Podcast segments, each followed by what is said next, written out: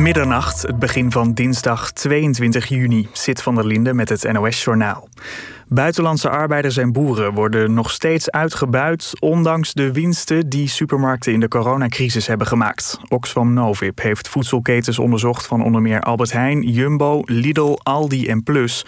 In 2018 constateerde Oxfam Novib ook al dat supermarkten te weinig doen tegen uitbuiting.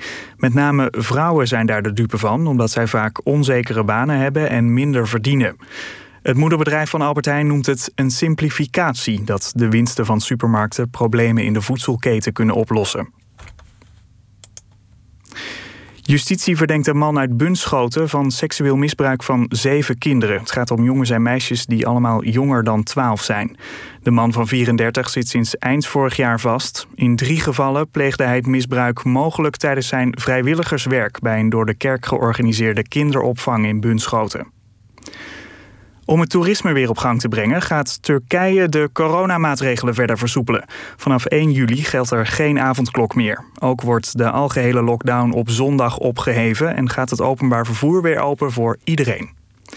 Op het EK heeft Denemarken zich geplaatst voor de achtste finales. In Kopenhagen wonnen de Denen met 4-1 van Rusland, waardoor ze tweede in Pool B werden. Het al geplaatste België won met 2-0 van Finland, dat nu als derde in de pool ook nog kans heeft om door te gaan. Rusland is uitgeschakeld. Eerder vanavond heeft het Nederlands elftal de derde en laatste groepswedstrijd van het EK met 3-0 gewonnen van Noord-Macedonië. De, de doelpunten werden gemaakt door Depay en twee door Wijnaldum. Het weer nog. Wolkenvelden en opklaringen wisselen elkaar vannacht af. De temperatuur daalt naar 8 tot 14 graden. Morgen zo nu en dan zon, maar in het zuiden kan later op de dag een bui vallen. Het wordt 16 tot 19 graden. Dit was het NOS Journaal. NPO Radio 1. VPRO. Nooit meer slapen.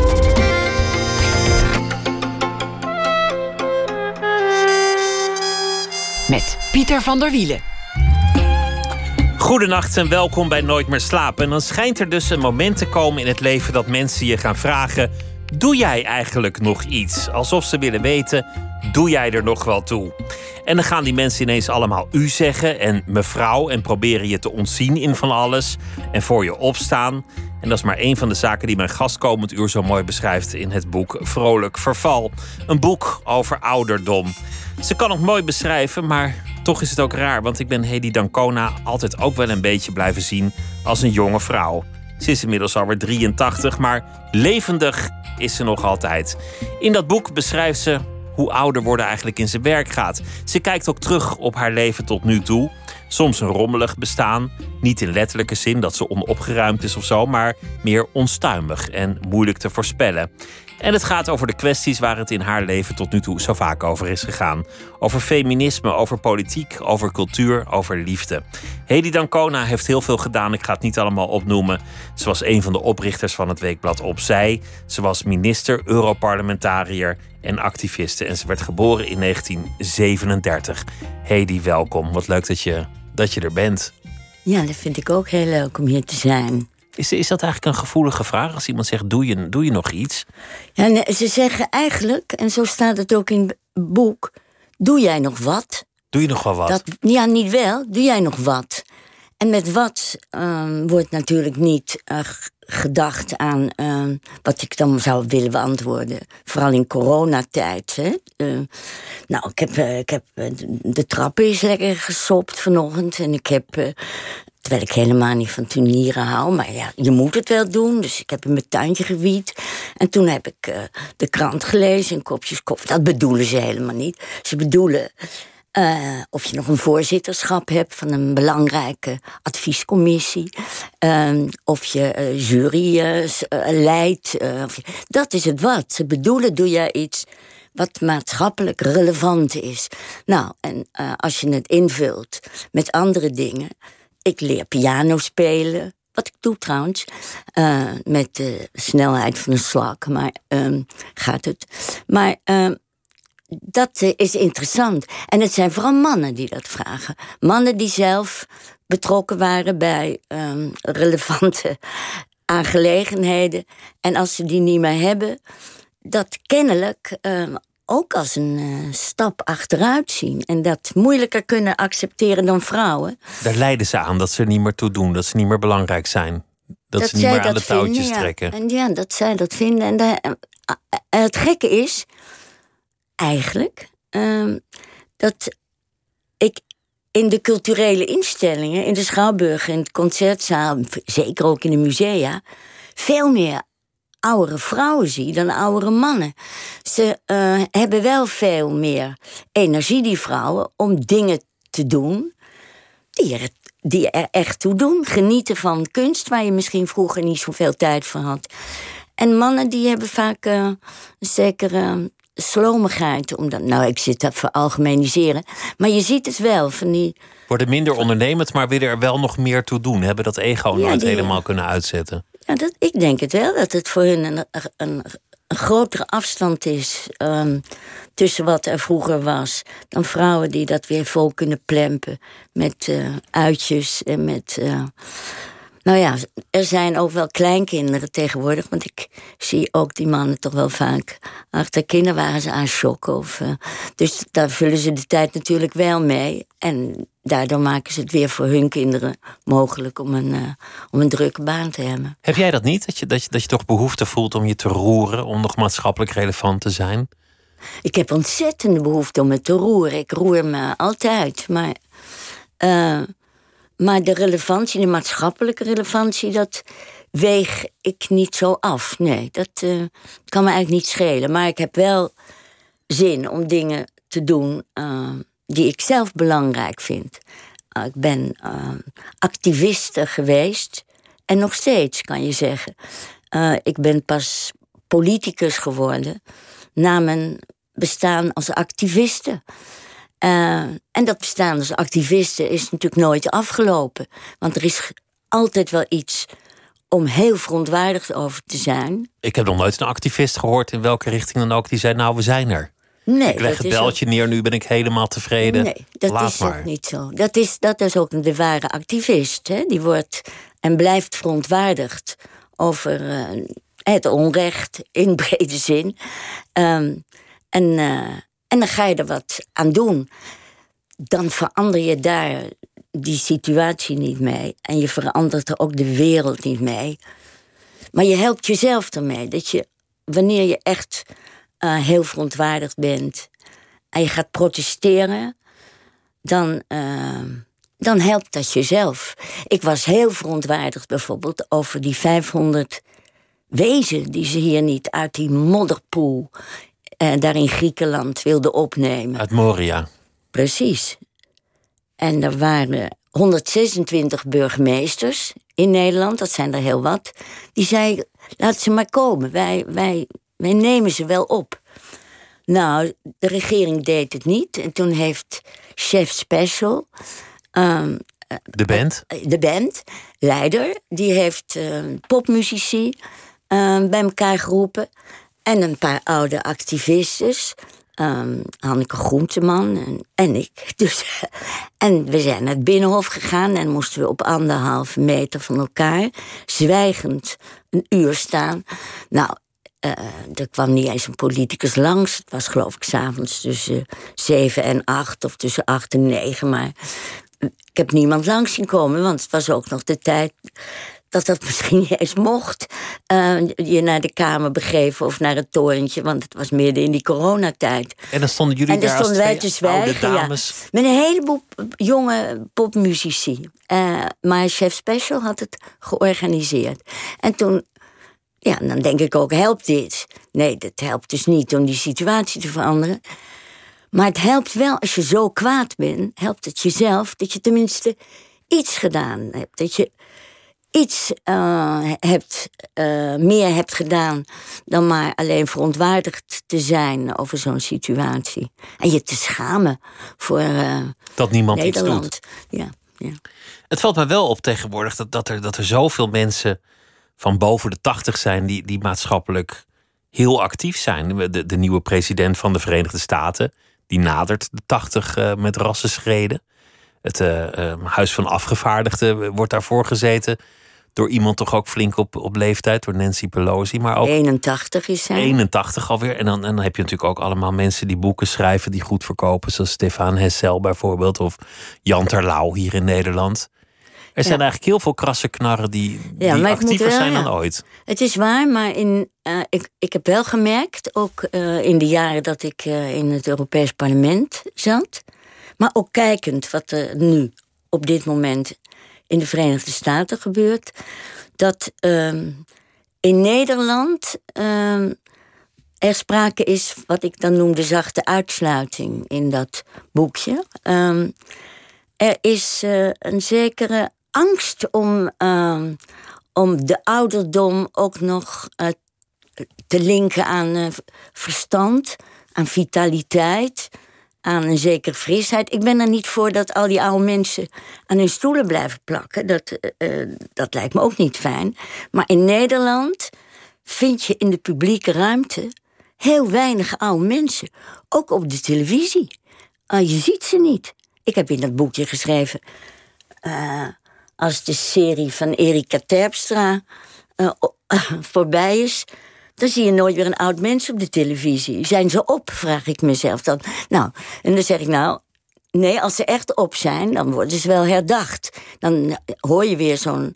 Of je ziet zo'n portret van een oud En dan- iemand. ze denk je, oh god. als ze die is- dood zijn. Die is dood gegaan. Maar ehm, eh, die, toen Herman Tjenk Willink, om nou iemand te noemen, toen, dat hij dat deed, terwijl hij 68 is, nou, dat vind ik nog een kind eigenlijk.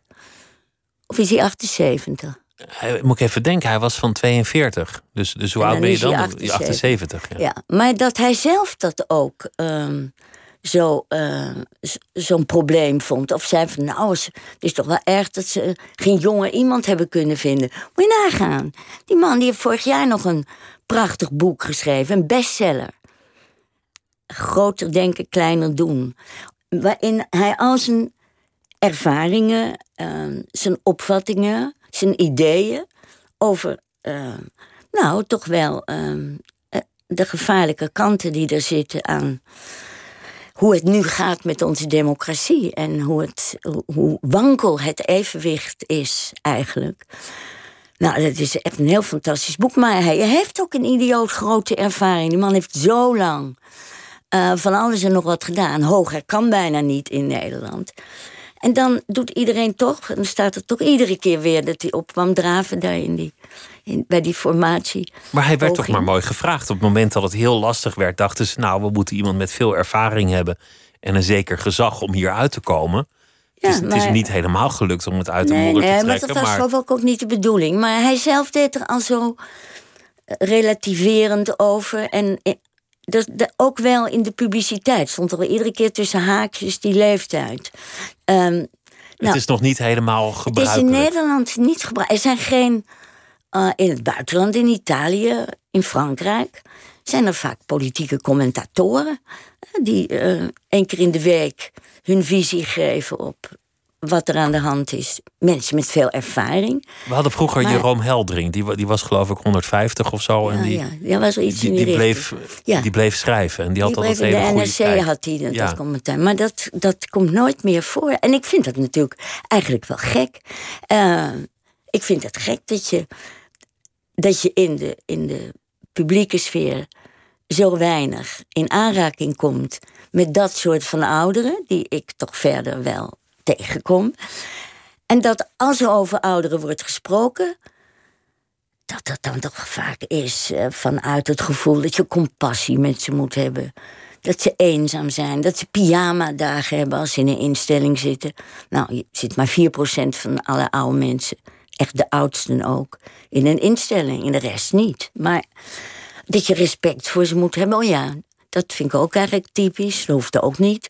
Maar eh, het is een soort van behandeling die ver afstaat van wat ik eigenlijk leuk vind. Uh, dat jij, jij tegen mij zegt, dat doe je toch ook? Ja. Ik zeg het bijna tegen iedereen, jij. En dat is wel erger geworden uh, de, in de ouderdom, dat ik dat tegen iedereen... Maar als iemand dan u tegen mij gaat zeggen, ja, dan vind ik dat scheef. En dan, zeg ik dus, nou, uh, ik zeg jij tegen jou, dan zeg jij maar jij tegen mij. Dat was, dat was toen je in zomergasten was bij, ja, bij mijn, lieve vriend Thomas Erdbrink, die, die dat niet lukte om, om te tutoyeren. Nee, dan, dan probeerde hij het weer twee keer en dan, en dan zei hij weer u en dan viel hij weer erin. En toen dacht ik, nou ja, laat maar zitten.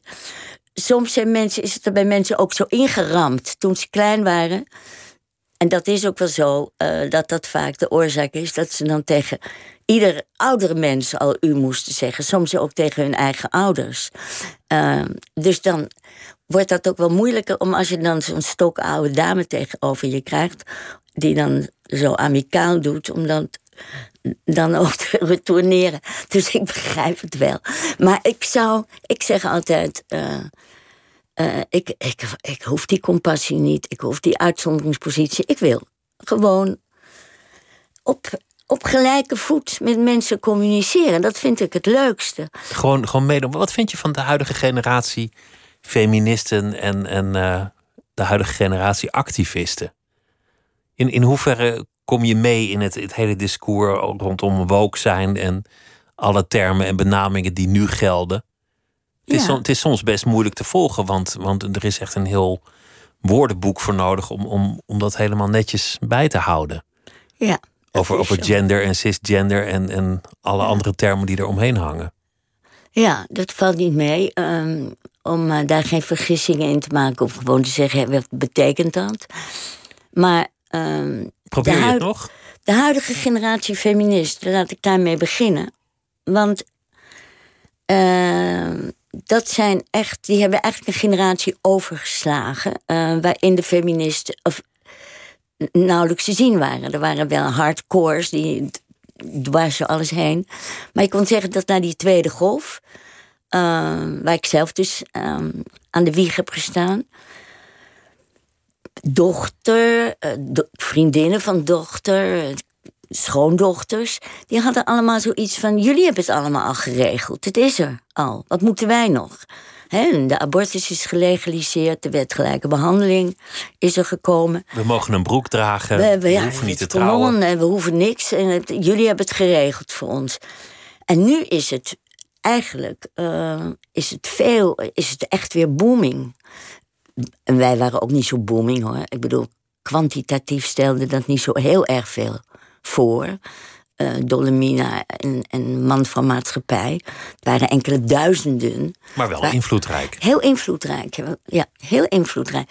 En nu is het weer een, een, een kleine voorhoede, denk ik. Maar die, en die andere punten hebben uh, dan wij destijds. Uh, die zich niet zo druk maken over wie maakt hier in huis het doucheputje schoon. He, want dat ging natuurlijk bij die eerste generatie erg over de verdeling, zorg en buitenshuis geld verdienen. Hoe, hoe, hoe regelen we dat eerlijk? Hè? Ja, en wij vonden door reductie van de arbeidstijd voor iedereen tot vijf uur per dag. En dus was het doucheputje een issue, terwijl nu wordt het gewoon door een onderbetaalde Poolse gedaan. Maar, dus... Nee, dat is gewoon voor die jonge vrouwen. Die wonen helemaal niet onder één dak. Nou, er is ook bijna nooit meer een dak te vinden waar je met z'n tweeën onder kunt wonen. Maar die hebben toch, uh, wat nu echt een issue is. Ik, ik doe ook woensdagavond mee aan, als spreekster um, op een Zoomavond. Um, georganiseerd door een Zaandamse. Uh, een Zaandams gemeenteraadslid die het op de politieke agenda heeft gekregen daar en een voorstel heeft gemaakt voor intimidatie in de publieke ruimte. Dus uh, het feit dat de publieke ruimte, de openbare ruimte, s'avonds na negen meer van mannen dan van vrouwen is. Dat je je niet uh, vrijelijk in die van iedereen tot iedereen. Uh, wat, wat zijn statistieken hoeveel vrouwen wel eens te maken hebben gekregen met aanranding, ongewenste intimiteit of, of erger? En daar schrik je wel van, van, van, die getallen. Ja, maar dat was vorige week nog. Hè, dat één op de tien studenten wordt verkracht. Ja, dan weet ik ook niet wat ik zie. 1 op de 10. Wat, uh, dat is een duizelingwekkend hoog getal. Ja, dat is echt idioot. En, en, uh, en huiveringwekkend ook. Maar dat, dat die, die, die intimidatie uh, op straat je nooit is echt lekker als het donker is, gewoon op je fietsje naar huis kunnen begeven zonder dat het risico bestaat dat er iemand achter je aankomt en je aanroept of vererger. Dat is iets wat niet bij de politie terechtkomt. De politie ziet je aankomen. Die nemen ook al vaak die krachten, de echte klachten van aanranding of verkrachting niet serieus. Denk, ze zeggen tegen de mensen wie dat is overkomen, zou je er nog niet eens over nadenken. En dat komt natuurlijk ook omdat het bewijs niet altijd uh, zo haarscherp te leveren valt. Maar ik vind het wel iets waar waar, waar we echt. Het is te gek voor woorden dat dat nog zo is. Ik schrok me dood. Hoe was, dat, was dat destijds eigenlijk? Hoe heb jij dat meegemaakt toen jij als jonge vrouw rondliep in de journalistiek in, in de jaren 60, 70? Dat was nog de tijd van de echte mannetjes en ook de vrijgevochten sfeer. Ja. Met een borreltje op kantoor en dan werd het laat en dan, dan bleef een jonge vrouw ja, iets te lang plakken met een man die ook iets te lang bleef plakken. Ja, ik moet je zeggen dat dat toch ook wel vaak te maken had. Uh, echt op een, op een uh, nare manier. Uh, met het gegeven dat die mannetjes vrouwtjes uitkozen die niet bij hun op de afdeling op gelijk niveau werk verrichten. Toch een dat ze daarvoor, Ja, dat was toch wel vaak een verschil in, in macht. En ehm, de vrouwtjes die zich gestreeld voelden en de mannetjes die de volgende dag in de kantine van het gebouw zaten te vertellen uh, hoe uh, ze dat geflikt hadden. Wie ze dat, hadden gegrepen. Ja, ja, het was werkelijk. Uh, dat, was, dat was toen een punt. En dat stelden wij wel aan de orde. Maar, je, maar nu, dat het nu nog steeds zo erg is. En dat vrouwen er ook ja, op de een of andere manier uh, niet tegen bestand zijn. Of eh, ik, ik weet niet hoe het komt, maar, de, maar die, intimida die, die intimidatie in de openbare ruimte wordt nu in verschillende gemeenten, in Enschede, in Rotterdam en in Zaandam, aan de orde gesteld. Daar willen ze verordeningen voor hebben, daar willen ze wat aan doen. En dat zal niet meevallen. Uh, maar het is wel goed, omdat ik eigenlijk het idioot vind dat s'avonds na negenen de straat meer van mannen is dan van vrouwen. Nou, ik heb er natuurlijk geen last meer van, maar ik bedoel van jonge vrouwen. Uh, dat is toch raar? Dat, is, dat kan toch niet? Dat, is... dat, dat zou in 2021 anders moeten zijn, natuurlijk. Ja. Heb, je, heb, jij zelf, heb jij zelf dat eigenlijk aan de hand gehad? Ben, ben jij in al die jaren aangetast op wat voor manier Ja, ik ben ook wel eens. Uh, ik moet je zeggen, toen. Dat was natuurlijk nog voordat de vrouwenbeweging mij gewekt had, dat ik toch, ik ben nooit verkracht, maar ik ben wel eens uh, op, uh, op een manier aangepakt die ik allesbehalve leuk en passend vond. Maar wat, dat moet je daarbij voorstellen? Wat, wat nou ja, dat iemand is uh, dat, je, um, dat je in de universiteit, uh, waar ik medewerkster was, dan uh, iemand binnenkwam die in je tieten greep, of in je bil kneep, of in alle twee je billen. Nou, uh, het, en dan uh, schudde je dat wel van je af. Maar eigenlijk, dat is wel raar. Vond je het ook iets wat er wel bij kon horen? Ik bedoel, een beetje zielig ook. Dat die mannen dat altijd moesten. En ik had dan geen mannen die mij uh, werkelijk met uh, kracht, waarschijnlijk ze ook niet zoveel kracht, tegen de grond drukte. Dus dat had er nog bij moeten komen, maar iemand Maar bij wel heel vaak, ja, dat soort van dingen.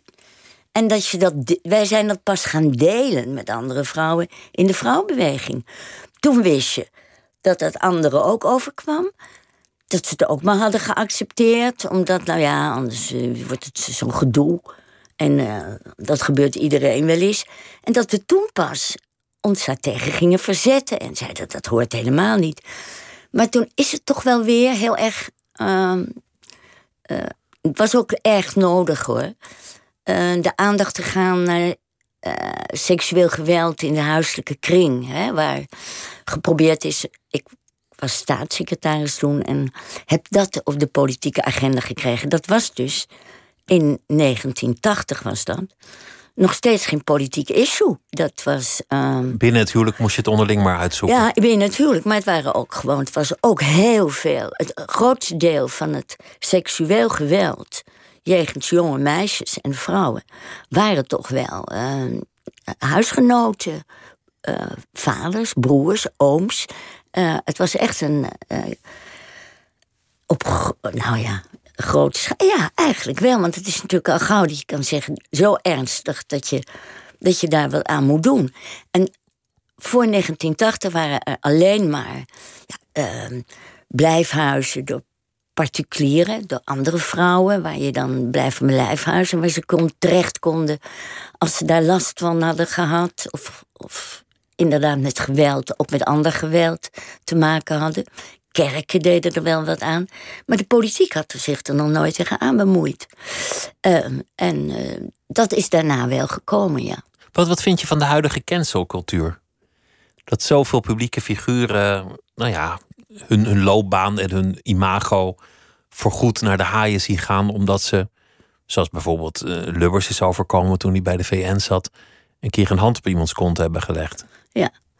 Nou, dat is wel erger als je het nu echt hebt op, over Kaan of mensen die echt hun. Hè, die, zijn, die zou president worden in Dominique Frankrijk. Strauss-Kaan. Ja, die zou zijn zijn president was op terug, hè, op weg van de, de bank waar hij jarenlang had gezeten. Echt naar Frankrijk en maakte een grote kans om daar president te worden. Maar eh, heeft dat toen met dat kamermeisje ehm, verknald. En eh, dat is een schandaal geworden. Dat was dus weg. Maar ik heb Lubbers ehm, toen verdedigd. Omdat eh, in Amerika waren ze al veel verder toe met het aan de kaak stellen van ehm sexual harassment, zoals dat hij heette. En dat waren dus allerlei vormen van ongewenste intimidatie. omdat, kijk, Lubbers, eh, ik, ik pleit Lubbers niet vrij van eh, dat hij vrouwen eh, heel aantrekkelijk kon vinden.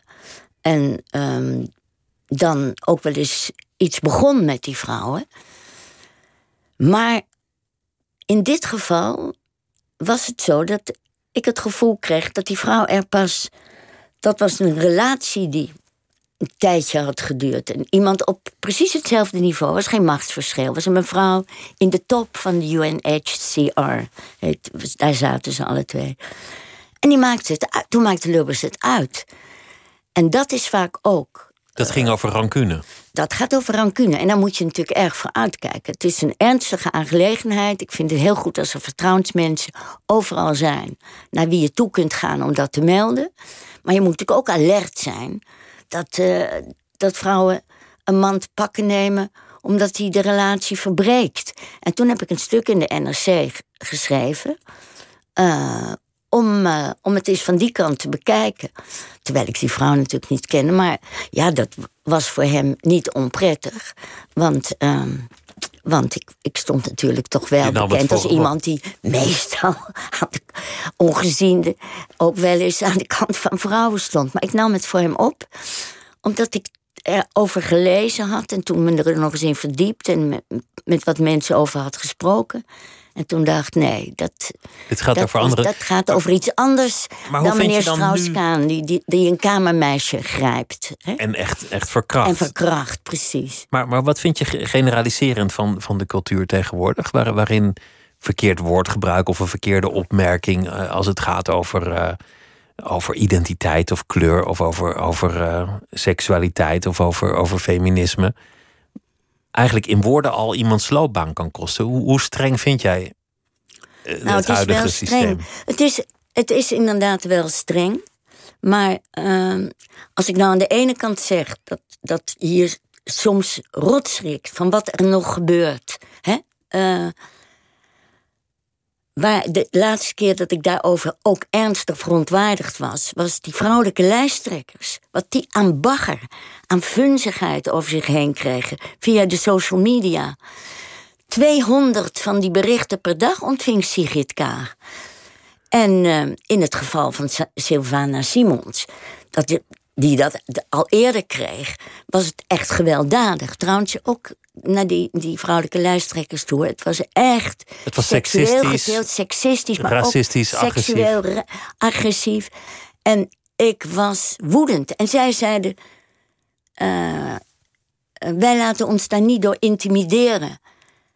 En ik was woedend omdat niemand van hun mannelijke collega's eh, het voor hen opnam. Niemand die zei: Wat is dit voor schandaal? Waar moeten onze vrouwelijke collega's doorheen? Wat moeten ze verdragen? We gaan- geen man deed zijn mond open.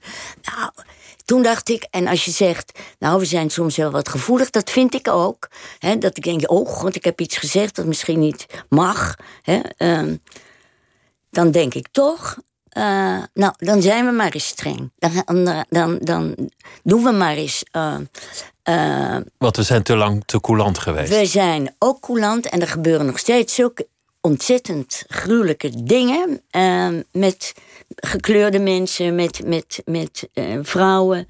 En, en de combinatie daarvan. Dat ik denk, ehm, nou, goed dat we weer een. ehm, dat we gewekt worden, ook door grote, eh, grote mogelijkheden te mobiliseren in optochten en demonstraties. Hè, als ehm, Black Lives Matter en, eh, en Me Too. En dan kan je zeggen, ja, nou gaat het wel een beetje ver. Hè, daar hadden we het net over. Soms moet je daarvoor uitkijken. Oké, maar ik vind het heel goed. Blij dat er weer activisme Dat is er uiteindelijk. activisme is, ja. Voor, voor wie je net inschakelt, Hedy Dancona zit tegenover mij. En die heeft een eh, boek geschreven, Vrolijk Verval. Waarin ze aan de hand van korte stukken iets vertelt over verouderen, over haar leven, over activisme. En ook, ook omkijkt op, eh, op haar bestaan tot nu toe. En ik vond het ineens jammer dat, dat sommige grote re- regisseurs er niet meer zijn. Hoewel er nu natuurlijk ook wel hele goede zijn. Want het, het leent zich voor een film, jouw liefdesleven. Tot nu toe. Oh ja? Hoe dat is verlopen. Je, je, je, je, je werd verliefd op, op de regisseur. Kreeg een affaire met de psychiater. Ging terug naar de regisseur. Toch weer. Nou ja, het was, het was eigenlijk een beetje als, als eh, dat liedje, de Tourbillon de la Vie, de, de draaimolen. Het ging aan, het ging uit. Als je erop Ja. terugkijkt, het, het leest bijna komisch. Ja, Een beetje, beetje rommelig was het. ja.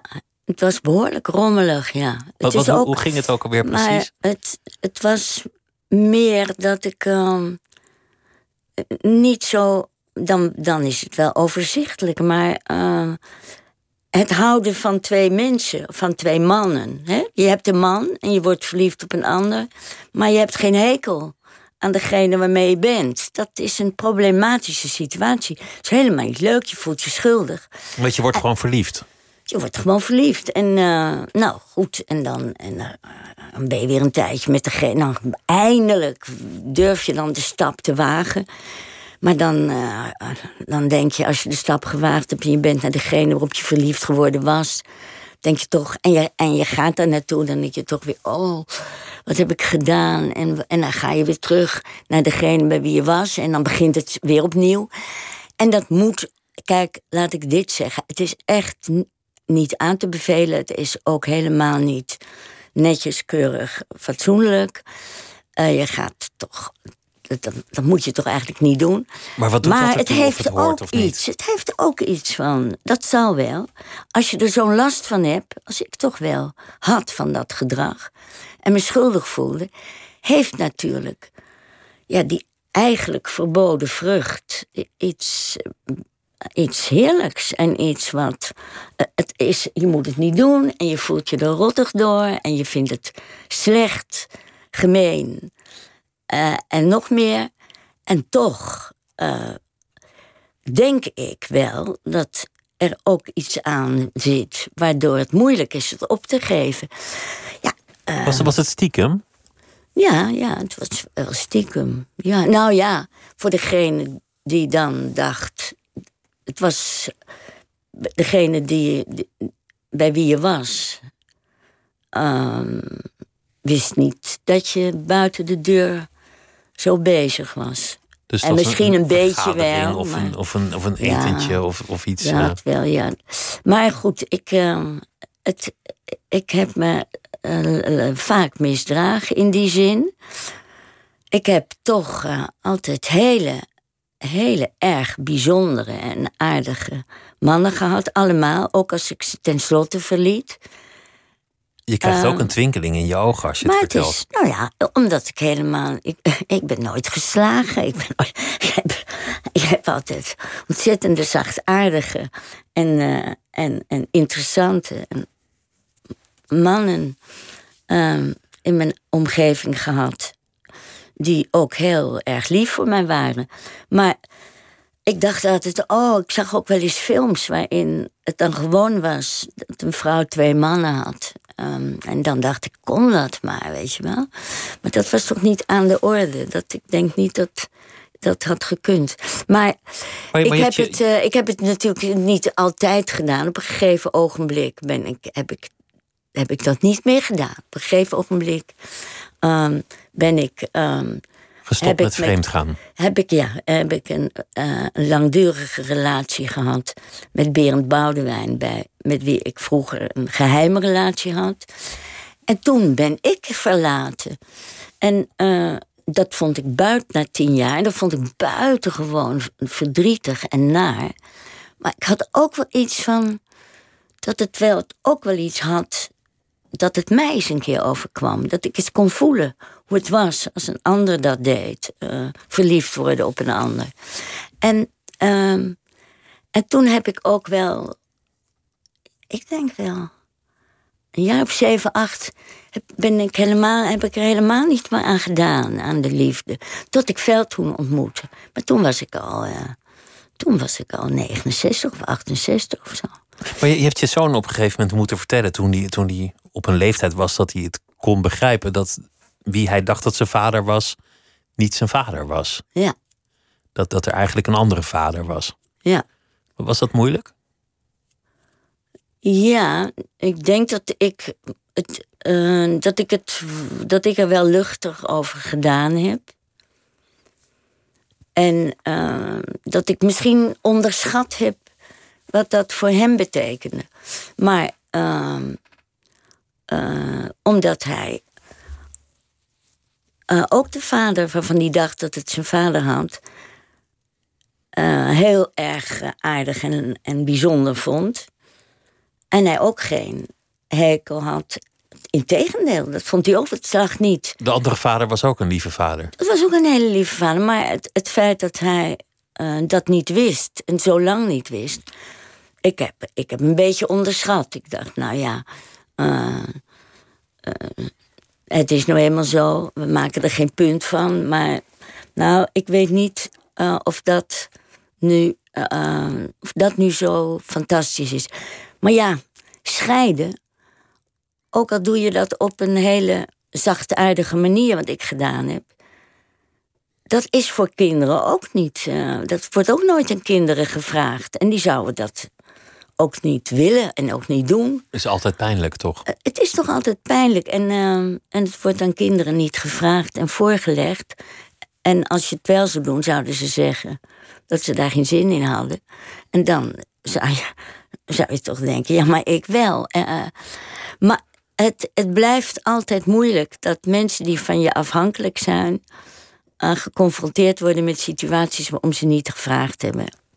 Laat ik het daar maar bij houden. Maar het is wel bijzonder dat, dat uh, de andere man het kind heeft opgevoed als zijn eigen kind, wetend dat het voortkwam uit een affaire die jij met een andere man had. Ja, dat was geen punt.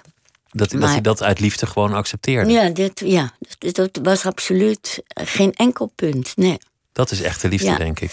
Dat is, uh, ja, dat zou je wel zo kunnen zeggen. Dat je niet dankzij, maar ondanks uh, je zo gedraagt, ja. Je kwam op late leeftijd Aatje tegen. Je beschrijft de voordelen van liefde boven je zestigste. De verwachtingen zijn anders, de wilde haren zijn misschien weg jouw zoon heeft uiteindelijk een kindje gekregen met de dochter van Aad. Ja, zelfs twee. Zelfs twee. Dus hoe, hoe gaat dat, dat? Dat dan jullie kinderen weer verliefd op elkaar worden? Ja. Nou, dat vind ik eigenlijk uh, niet zo vreemd. Maar wel, Want wel. ik heb een hele aantrekkelijke zoon. En die dochter van Aatje um, was ook heel aantrekkelijk. Ze zijn inmiddels na een lange verbintenis uiteen. En uh, dat is wat ik zeg altijd jammer. Maar als je niet het aardigste in elkaar, maar het rottigste in elkaar naar boven haalt, kan je maar beter uiteen gaan. want het is wel de bedoeling van, van een relatie, is natuurlijk dat inderdaad het aardigste. Het moet wel leuk zijn. Ja, ja, of leuk. Ja. Je, moet, je moet er een, toch een iets beter mens van worden. Wat is eigenlijk het voordeel van, van los van dat de wilde haren kwijt zijn en de verwachtingen anders van, van liefde boven de 60? Waar, waarom heeft het met Aatje zo goed gewerkt? Nou ja, ik, eh, ik, ik, heb, eh, ik had er een aantal dingen. Ehm, dat je liefde niet meer zo. Het niet meer kan omzetten in een liefdesbabby. En die s'avonds uh, en s'nachts je uit slaap houdt. Dat je niet meer naar de voetbalvelden moet om naar een kind te kijken. Of nog erger, als ze een jaar of twee, drie zijn. Aldo moet opletten dat ze geen ontstoppingsmiddel aan de mond zetten. Of je de boekenkast over zich heen trekken die kinderen, dat, dat, hoe lief en fantastisch en onvergetelijk ze ook zijn, je hebt wel veel meer aandacht voor elkaar als er geen kinderen om je heen lopen. En dat is een voordeel. De voordeel is ook, groter voordeel misschien nog wel, is dat je niet meer denkt, nou, uh, die paar kleine dingetjes die me in dat karakter van de ander niet bevallen, die krijg ik er nog wel uit. Dat denk je echt niet meer. Je, verandert elkaar niet meer. Dat doe je, dat doe je, oh, dat, je verandert elkaar niet meer. Het is een totaalpakket en, en dat is het. En ehm, dat, dat is leuk um, en interessant om te merken dat je, dat je dat ook kan. En dat je denkt, ook in dat geval. Uh, niet dankzij al die uh, leuke dingen, want dan kan je natuurlijk wel van de halve wereld houden. En zo onstuimig ben ik nou ook weer niet in de, in de weer geweest. Maar dat je bij die ene denkt, nou, ondanks die paar eigenschappen, uh, vind ik dat een fantastisch iemand. Uh, en niet dankzij al die aardige kanten, want nogmaals, die zijn er bij meer mensen te vinden. En dat maakt het wel leuk. Dat maakt het wel leuk. Het, maakt ook, het is ook interessant als je even oud bent, uh, dat je. Um, ik, was, ik was trouwens geen. Uh, ik was, ook, ik was 58, geloof ik, toen ik hem tegenkwam. Maar als je. Eigenlijk best jong nog. Ja, dat vind ik nu heel jong, maar dat vond ik toch toen wel heel oud. En um, ik, ik vond het ook. Uh, ik vond het ook fijn dat je dat je uh, een gemeenschappelijk verleden hebt. Dat, je, um, dat we oorlogskinderen waren. Dat vond ik ook fijn. Dat je. Uh, Waarom maakt het zoveel uit? Wat als je iemand had ontmoet die van na de oorlog zou zijn, die die, die, die last niet met zich meedraagt? Nou, ik vind dat het uh, overleven van die Tweede Wereldoorlog. Uh, vind ik wel van betekenis. Um, niet die paar jaar. Ik bedoel, je kan wel iemand hebben die vijf jaar jonger is dan jezelf. En dat dus niet heeft meegemaakt. Maar ik, ik vond het. Uh, ik vind het wel dat toch die oorlog in ons beider leven een behoorlijke. Een behoorlijke indruk heeft gemaakt. Want je bent je vader verloren, je bent je halfzus verloren. Ja, ik. Uh, ik in die zin heeft het enorm ingegrepen in jouw dat bestaan. Heeft dus een, uh, ja. En in zijn, hij was een paar jaar ouder. Dus hij heeft de hongerwinter meegemaakt, dat die armoede, die kou uh, in de oorlog. Was ook erg in Amsterdam. Was echt, echt ellendig eigenlijk. Een, een, tijd, een zekere tijd. Maar uh, je kijkt er toch met andere ogen naar hoe het in de rest van de wereld gaat. Uh, het woord oorlog betekent echt iets voor je. Wat mensen elkaar kunnen aandoen. En je bent misschien meer betrokken bij de wereld als je weet hoe ver het kan gaan. Ja, ik, ik denk het wel. En dat is dat, is dat een motor geweest in jouw bestaan? Voor, voor, ja, voor het activisme, het is, uh, voor de politiek, voor alles? Nou, een heleboel dingen wel. Het, het leven van mijn eigen ouders uh, uh, is zeker een bron geweest voor een groot deel van mijn politieke voor mijn politieke bezigheden, ook voor mijn activisme. Voor het feit dat ik zo graag naar Europa wilde en daar ook twee keer vijf jaar heb gezeten, omdat dat toen voor mij het symbool was van nooit meer zo'n oorlog, nooit meer discriminatie, racisme, fascisme in, op dit continent, althans binnen uh, de Unie, die uh, uit Europese lidstaten behoort. En je moeder heeft jullie alleen opgevoed. Dus, mijn dus dat moeder, zal ja, ook een rol gespeeld dat voor het heeft zeker. Want mijn moeder had een. Uh, mijn moeder verloor dus eerst, had, was ze mijn vader kwijt. En toen uh, hertrouwde ze met een weduwnaar die drie kinderen had. En ze kregen nog samen met hem één. Toen had ze dus vijf kinderen. En zij was 34 en toen ging hij aan een hartaanval dood. En zij was heel slecht opgeleid. Dus ze moest baantjes, uh, geen banen. Uh, en ze was. Uh, ze heeft dat heel goed gedaan. En daarom in, maakt het voor mij inderdaad. Mijn moeder wou het woord stiefmoeder helemaal nooit horen. Want die kinderen, die drie van haar kinderen, hadden dus geen biologische vader en geen biologische moeder meer. En mijn moeder deed dat. En deed dat met een ongelooflijke inzet en energie en vrolijkheid. En heeft nooit een andere man meer gehad, terwijl ze, terwijl ze een hele aantrekkelijke vrouw was. Ze was 34 met vijf kinderen, hè, uh, waarvan ik de oudste toen was. En de jongste drie en ik was 14. En daar zaten er dan ook nog drie tussenin. En dat is voor mij, mijn moeder is ook een rolmodel. En zeker toen, ik, toen we in dat feminisme ontdekten dat de onderwijsachterstand van vrouwen zo enorm was. Dat is een van de dingen die veranderd is. Met uh, 50 jaar, meer dan 50 jaar geleden. Uh, en mijn moeder leed ook onder dat gebrek aan, aan kennis, dat gebrek aan opleiding, het feit dat ze geen vreemde taal sprak, heeft er altijd dwars gezeten. En uh, nou, ze ging dan wel op Engelse lessen. Ik bedoel, ze deed er wel wat aan. Maar ja, ze moesten ook vijf kinderen uh, op groot brengen. En heb er daar werkelijk zeer grote bewondering voor.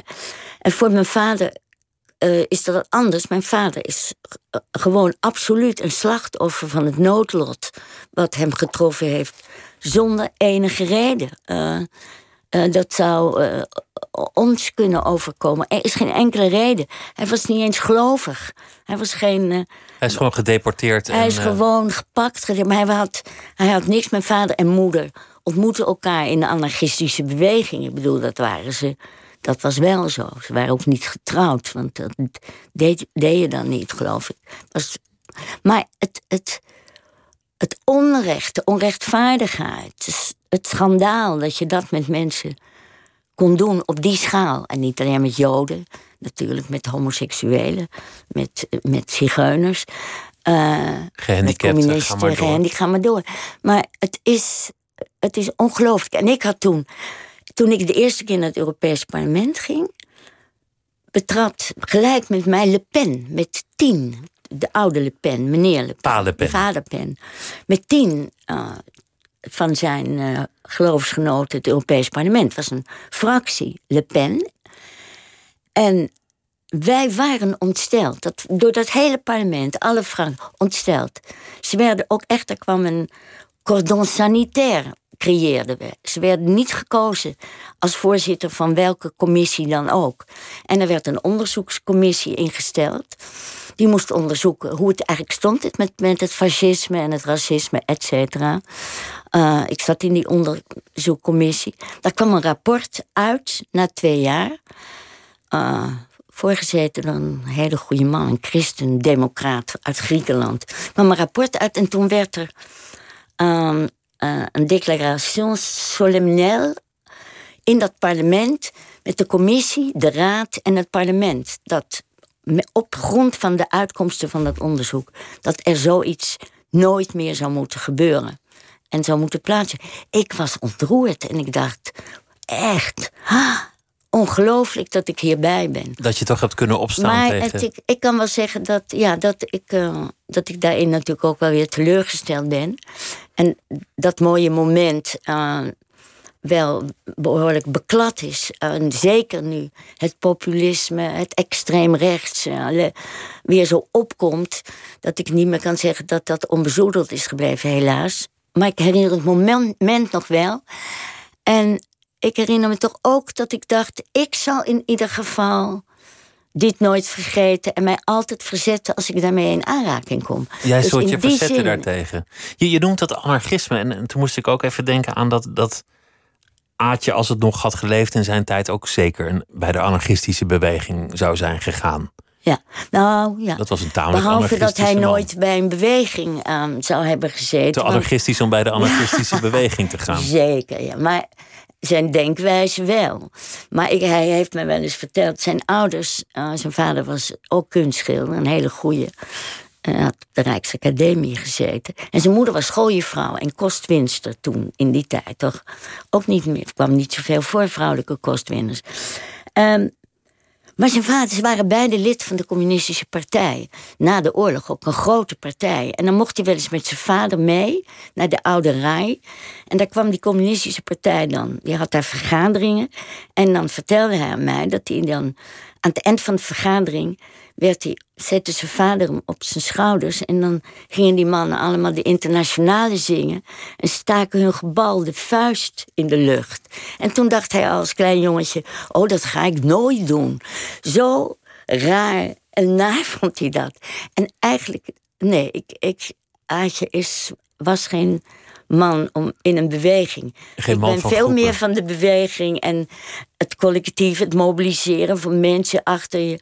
Dat, dat, daar had hij niks mee. Nee. Hij was, hij was heel dol op oude lichamen. Hij kon ze dus ook zo mooi tekenen. En jij was al wat ouder toen, toen je hem leerde kennen. En het begon ook dat, dat jij voor hem poseerde. Dat was het verzoek waarmee jullie met elkaar in aanraking kwamen. Ja, Maar, maar hij heeft wel eens in interviews verteld dat, dat hij niks mooier vond dan een lichaam dat slapper werd, ouder werd, dat, dat rimpels kreeg. Dat dat voor hem een soort ultieme schoonheid had. ja. Nou, hij had natuurlijk ehm, eh, v- vooral eh, vacuüm getrokken. Ehm, hele mooie dames. Ehm, maar het was moeilijk om oude modellen te krijgen. En toen ik voor het eerst bij hem kwam, ehm, goed, nog geen zestig en nog niet zo verrimpeld en uit elkaar gezakt. Toen, ehm, toen zei ik ook, moet ik mijn kleren uittrekken? En toen zei hij, nou nee, dat zou ik maar niet doen. En ehm, hij heeft mij dus getekend met eh, gewoon mijn kleren aan. En ik heb later wel eens naakt voor hem geposeerd. Maar ik hield niet zo van poseren, want ik ben nogal zelf nogal doenerig. En dan, Te rusteloos. en dan ben ik te rusteloos. En eh, ik hield er niet zo van. Maar hij had modellen die ook aan mij uitlegden wat, dat zij het wel heel leuk vonden om te poseren. Hij heeft wel eens advertenties gezet voor oude vrouwen. En die heeft hij ook gekregen.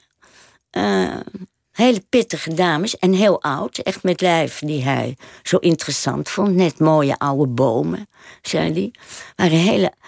En, eh, maar wel met... eh, ik bedoel, dat waren ook vrouwen die het voor een lol deden. Want hij betaalde modellen nooit met geld. Ze kregen wel eens een schilderijtje of een, of een tekening cadeau. Maar een, eh, ze kregen er geen geld voor. Maar Het is toch mooi hij dat iemand de schoonheid prachtig. ziet. Ja, het is ook leuk, want ik had dat verteld in een programma. Omdat er in het Rembrandthuis toen in het begin van die coronatijd een tentoonstelling was. En die heette Leef slash Tijd.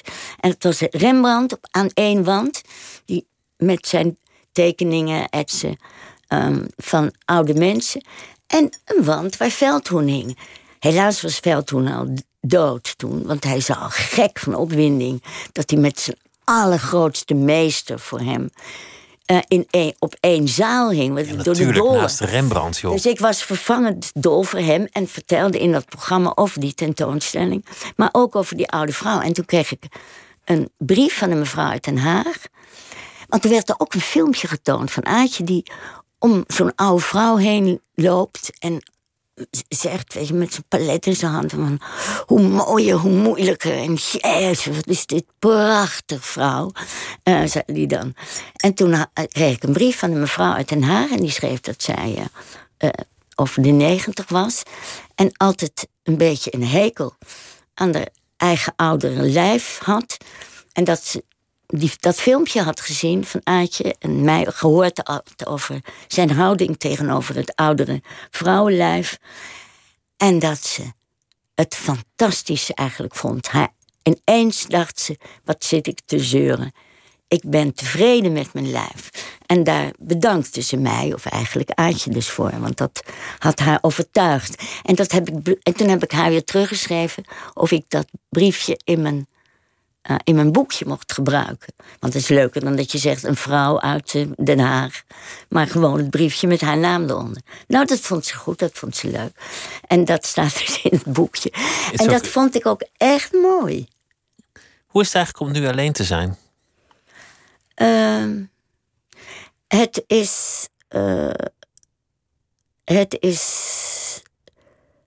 Oké, ik kan wel goed alleen zijn. Ik kan mezelf heel goed bezighouden. Ik kan mezelf verwennen uh, door leuke bloemen te kopen en uh, een lekker hapje.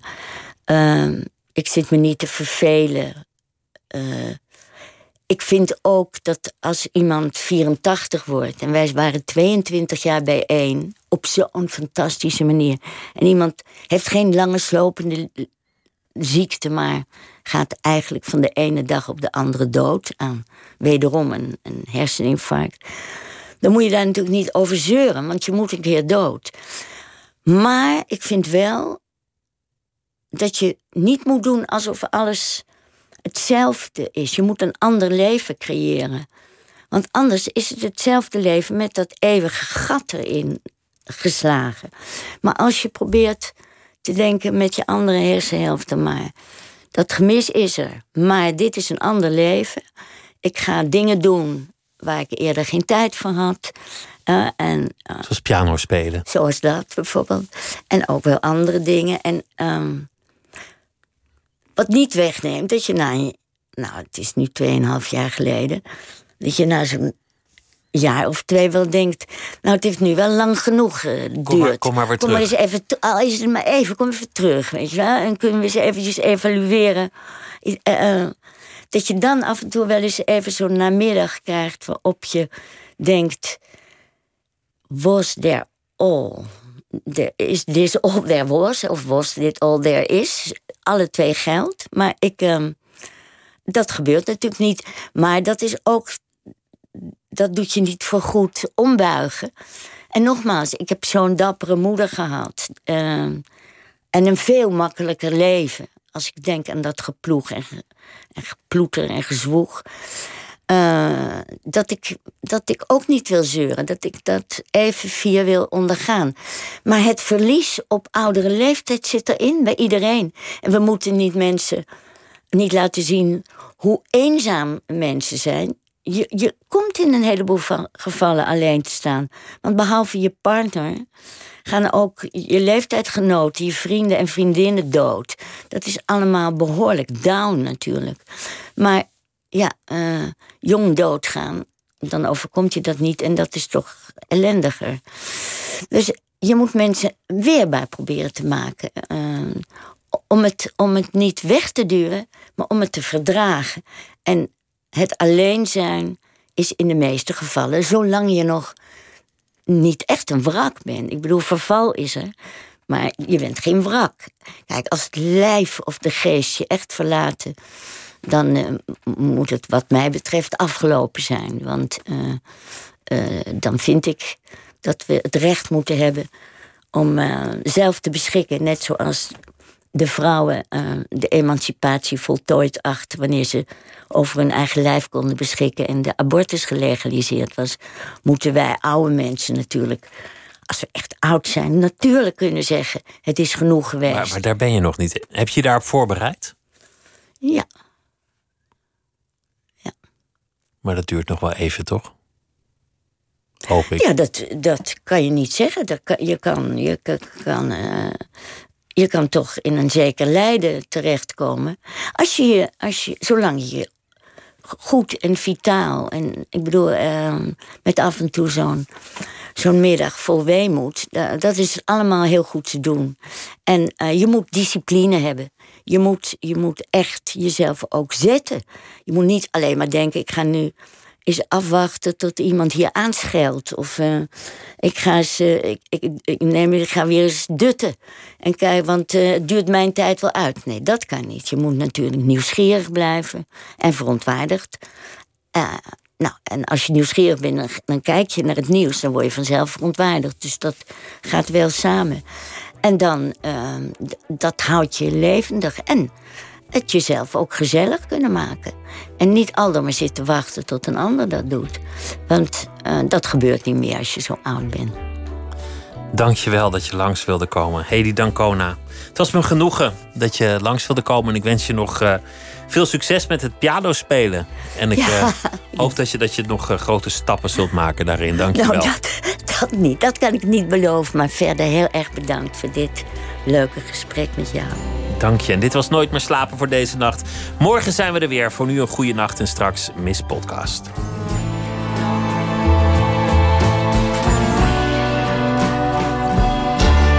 Radio 1. Het nieuws van alle kanten.